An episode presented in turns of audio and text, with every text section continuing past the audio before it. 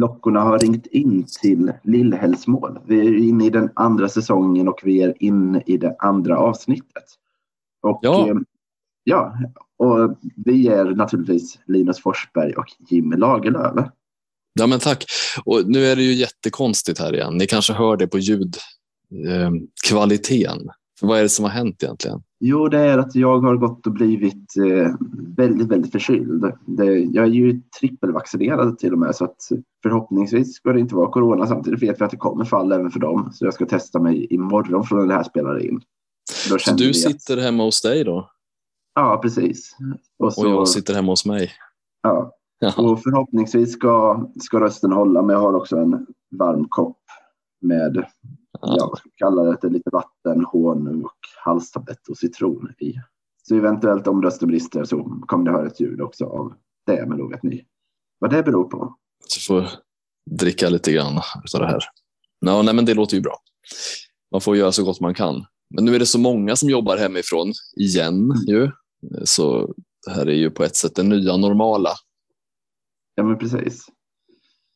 Ja, så får vi hoppas att, eh, att det inte är corona. Jag ska testa mig då. Jag tror jag sa det. Jag ska testa mig imorgon från att det här spelas in. Då. Så Mm. har jag om tre dagar har jag min, mitt sista prov i Svenska kyrkans troliv. Så då hoppas jag att jag har fått ett eh, negativt provsvar så att jag kan gå dit med mun. Verkligen.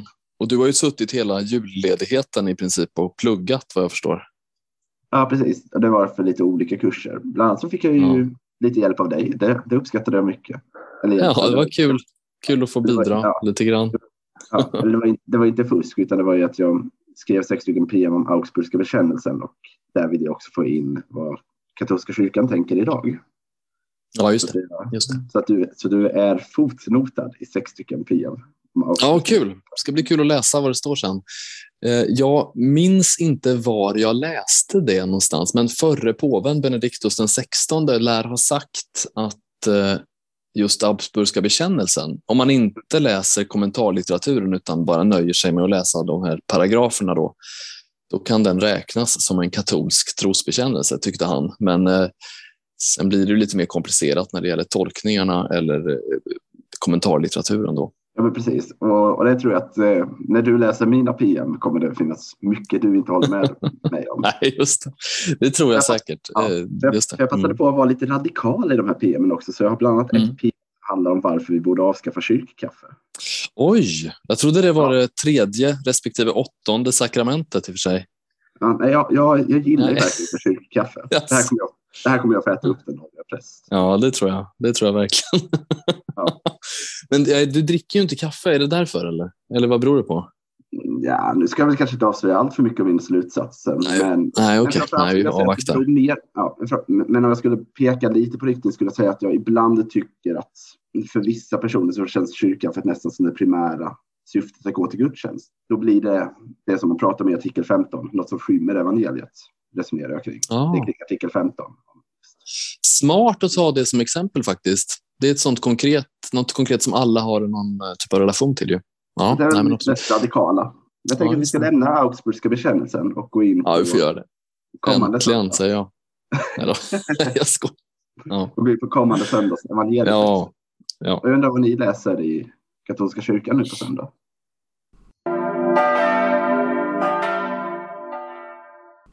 Vi läser från eh, andra kapitlet i Johannes evangeliet om bröllopet i Kana. Det är ju en text som jag på den tiden när jag pluggade, när jag läste grekiska, fick översätta eh, från, från grekiska till svenska. Då.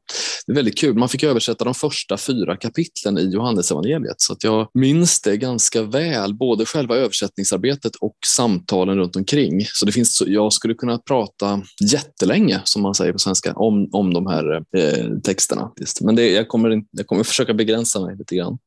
Vad tänker du på när du hör bröllopet i Kana? Vad är det första som ploppar upp? Eh, nej, men det första som ploppar upp för mig är ju hur eh, men Jesus någonstans väljer att verka i det fördolda. Att Jesus Mm. inte gör sina, sina under för att bli känd och i många fall, vi har varit inne på det, tror både en och två Mm, gånger, att mm. Jesus jag menar, ibland gillar att verka i det fördolda och inte att folk inte ska, vad ska man säga, objektivt, liksom utan tvekan kunna säga att det här gjorde Jesus, utan det är de som tror som ska notera det. Ja, precis. Det, det, precis. det är en viktig sak tror jag, för att i slutet av den här ja, text eh, eller berättelsen då, där, där står det att det var det första tecknet han gjorde och hans lärjungar trodde på honom, står det. Eh, mm. För att det var bara de som kände till det här, Maria och, och lärjungarna. Då. Så det ligger nog mycket i det. Att, ehm, för att han, han träder ju inte fram och talar om att det var han som gjorde det. Bröllopsvärden tror ju att det är brudgummen eller, eller brudparet som bjuder här på det här vinet då, som är det bästa vin de någonsin har smakat. Och om man inte känner till den här berättelsen, det kan ju vara så att någon inte vet. Jesus är på ett bröllop i, i, i Kana och hans mamma är där och lärjungarna är där. Man vet ingenting om vem det som som gifter sig eller något annat sånt där. Det, det är liksom helt i periferin, själva, själva vigseln och bröllopsbiten. Eh, men, men eh, ändå brukar ju i katolska sammanhang så brukar man säga att det är här som Jesus gör äktenskapet till ett sakrament genom att bevista en vigsel eller ett bröllop så gör han eh, bröllopet till någonting heligt, eh, vigseln och äktenskapet till någonting heligt. Eh, men, men det, det står det ju ingenting om i texten. Men, men han är där i alla fall och det som står är ju att vi vinet tar slut. Och det är lite grann en skandal eh, att de inte har räknat med tillräckligt mycket vin. Då. Och Jesus drar sig för att göra någonting åt det här. Hans, hans mamma det är ju så, det är modersinstinkten. Hon, hon ser här att ja, det finns ett behov. Människorna har ett behov. Eh, de behöver hjälp och min son kan nog lösa detta, tänker hon. Så hon säger, de har inget vin. Och då säger han,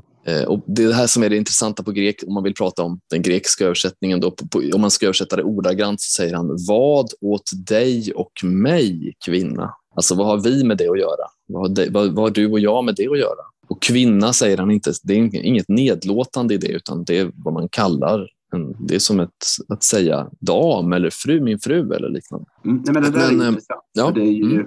Jag minns inte om det är 1917 eller folkbibeln, men då översätts det lite mer bestämt. Så jag tror att det står mm. tikkvinna, min tid inte kommen. Ja, just det. En dålig översättning då, skulle man kunna säga. Mm, ja, det, men det är rätt att han säger min tid är inte kommen. Mm. Mm. mm. Ja, precis, men tikkvinna låter ju mer, väldigt mycket mer ja, men, hårt bestämt lite mer som så här, ja, han inkluderar inte sig själv i det på samma sätt som i den grekiska översättningen som du nämnde. Nej, men verkligen. Vad har det med oss att göra? Eller vad, liknande skulle man nog snarare säga på svenska, tänker jag.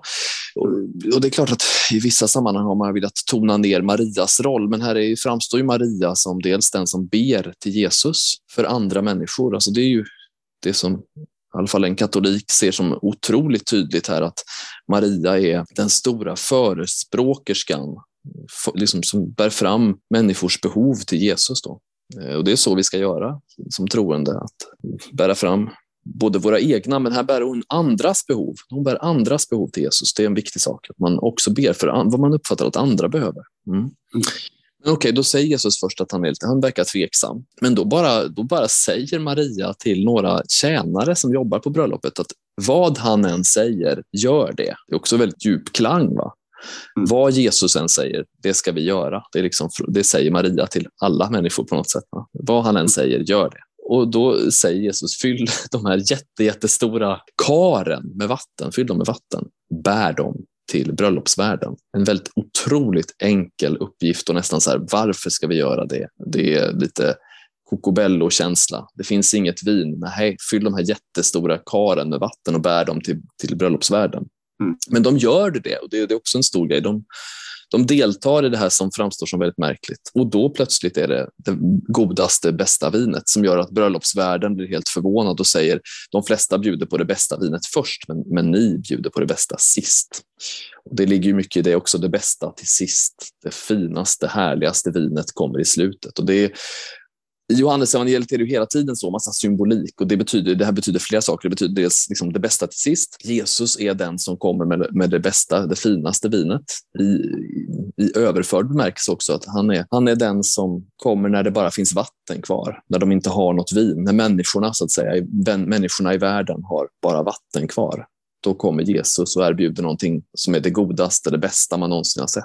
Eh, och så, jag tänker ofta på när man har varit på äldreboenden, det har jag varit många gånger, och pratat med äldre människor eh, som, som verkligen upplever att mitt liv är slut.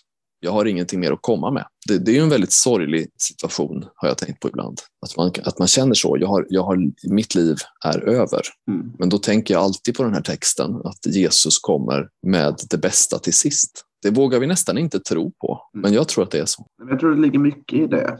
Och jag tänker att ja, men det bästa till sist, det kan ju vara både här på jorden idag där vi lever. Det kan ju också vara ett vittnesmål om, om det eviga livet.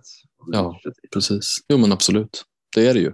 Det är ju det det är. Det tror jag verkligen. Att eh, vi kan inte ana vad som väntar. Men sen är det också så, jag tror att att leva utifrån en typ av hoppfull dimension, alltså oavsett hur tillvaron ser ut just nu, att våga ha en positiv syn på framtiden, det tror jag att vi kristna har på något sätt rätt till. Eller vi, vi kan faktiskt vi kan vara, vi kan orka ha framtidstro. Mm. Vi kan kosta på oss det. Men Se ljust på framtiden. Och hur tycker du att man skulle kunna leva ut det här evangeliet? Mm. Jag har tänkt på flera saker då, eh, men jag kan välja, eh, välja en sak. Och eh, jag, jag tror att eh, om det är någonting som, som vi ber om, men som vi uppfattar att det här har jag inte fått något svar på.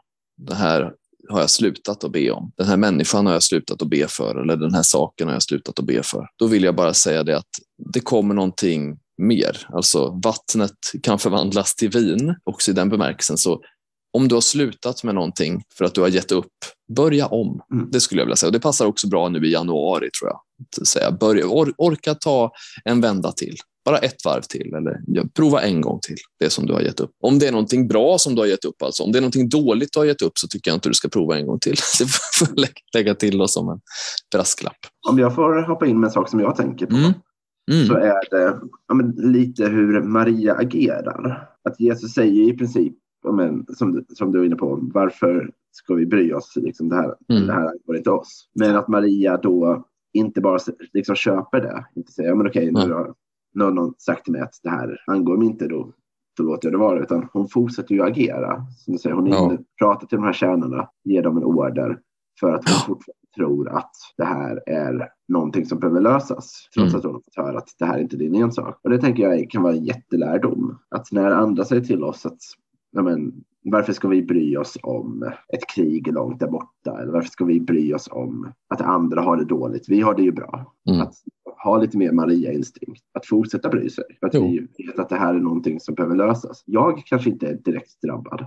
Men en medmänniska är det. Jo, jo, verkligen. Jag tror att Maria, både Marias inställning här, men också de att tjänarna, det har jag inte tänkt på så mycket innan, att de faktiskt gjorde vad hon sa. Mm. Det är något speciellt med det. De skulle ju mycket väl kunnat säga, varför pratar du överhuvudtaget med oss? Varför behöver vi lyssna på dig? Eller varför ska vi göra som han säger? Vem är han? Mm. Det, det, det är mycket som händer där som på något sätt som vanligt inte står i, i texten. Man måste nästan föreställa sig hur det var att, att vara där. Va? Jag tänker att de här samtalen som man kanske undrar, som du var inne på, så här, varför pratar du med mig eller varför gör du det här? Det leder in ganska Mm. bra på Mm. den evangelietexten vi ska läsa i Svenska kyrkan på söndag.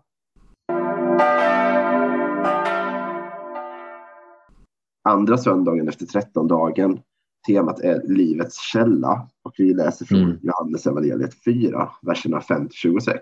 Ja. Det är här där Jesus pratar med den samariska kvinnan vid brunnen. Säger att den som dricker Jesus vatten aldrig ska törsta. Och det här med samtalet som vi var inne på, det är det jag någonstans har stannat till vid vid den här texten också. För att det, i det här mötet, i det här samtalet, så är det ju ganska många, ja men i någon utsträckning, kanske inte absoluta motpoler, men ändå motpoler som möts. Det, det är man och kvinna, det är en jude, en samaria, en liksom, ja, men de har helt olika livsförutsättningar. Lite olika kanske motiv med att vara där.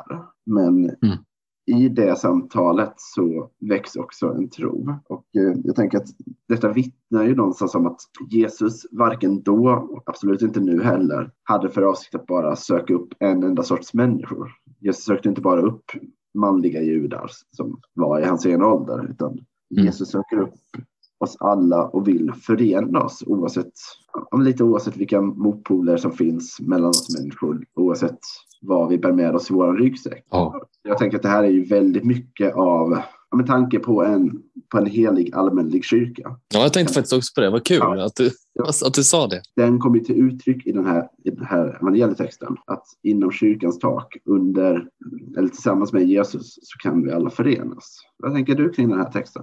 Det här är en text som man har hört många gånger. Mm. Och ofta har jag hört predikningar som handlar just om Jesus och kvinnan, deras möte, vad, vad, själva mötet, inte vad de pratar om utan att de möts, vad det säger. Mm. Men jag tycker ju att det de säger också är väldigt spännande. Det är sprängstoffet. Mm. Och det är ett väldigt, väldigt märkligt samtal. Jesus har ju i början av, av Johannesevangeliet flera samtal som är jättekonstiga, så att säga, om man bara uppfattar dem som att läs som det står och, och, ta, och där tar det slut. Utan om man, om man slutar att tänka vad betyder det, vad symboliserar det? Och så vidare. Mm. Men han verkar ju prata om att han, jag tror att han pratar om den heliga ande på något sätt, eh, som är det här levande vattnet som han då vill erbjuda och som man då får i dopet, eh, bland annat. Anden verkar väl som den vill, men, men i, särskilt i dopet så tar man emot, mm. konfirmationen så tar man emot eh, den heliga ande på ett väldigt speciellt sätt. Och det där är ju någonting som hon inte har tänkt sig riktigt. Hon har, hon, det hon vill höra det är ju var ska man be någonstans? Ska man be här på det här berget eller ska man be i Jerusalem? Hon vill komma till Jesus med, med den typen av sån här typisk mänsklig fråga. Hur ska jag be? Vad ska jag säga när jag ber? Var, vilken plats ska jag gå till? Jag tror vi människor är sådana hela tiden och det stör oss när det inte finns en tydlighet i religionen ibland. Att inte Gud är övertydlig med oss. Tala om för mig hur jag ska göra när jag ber. Tala om för mig exakt. Och Jesus pratar om något helt annat. Han pratar om ett livgivande, en ande som ger liv på något sätt så att man hela livet blir till en bön kanske. Ja, men jag, jag, jag, är lite in, men jag är lite inne på, på ett liknande spår som jag tänker inte riktigt motsätter. Utan jag, jag fastnar mm. också vid det här. Eh, den som dricker mitt vatten kommer aldrig törsta mer. Men att men någonstans hur tron på Jesus aldrig riktigt kan bli besegrad. Så att vi kan, vi kan välja att ha, koppla vårt liv till, till vad som helst. Det kan vara ett, ett arbete, en, en vänskapsrelation, ett föremål. Och det tänker jag är det här vanliga vattnet. Men allt det här kommer förr eller senare torka ut. Men mm. Jesus torkar aldrig ut. Tron på Jesus kan vi ha med oss in i graven och ut ur graven. Och det är det enda mm. som, som är beständigt. Ja. Jag tänker att det är det som också Jesus vill förmedla här. Det går på en annan nivå på något sätt då? Ja, ja men precis. Att så här, sök dig inte till den brunnen som kommer torka ut. Mm. Du kan absolut göra det och du kommer för stunden känna att nu är jag inte törstig längre. Men ur alla andra brunnar som inte är Jesus så kommer vattnet förr eller senare ta slut. Vi kommer bli törstiga. Ja, men, det där ligger jättemycket. Det tänker jag på Augustinus, att han säger så här, tills min själ finner ro i dig så förblir den orolig. Mm. Eh, det ligger ju jättemycket i det, att människor söker också efter mening på massor av olika håll, men hittar egentligen inte det.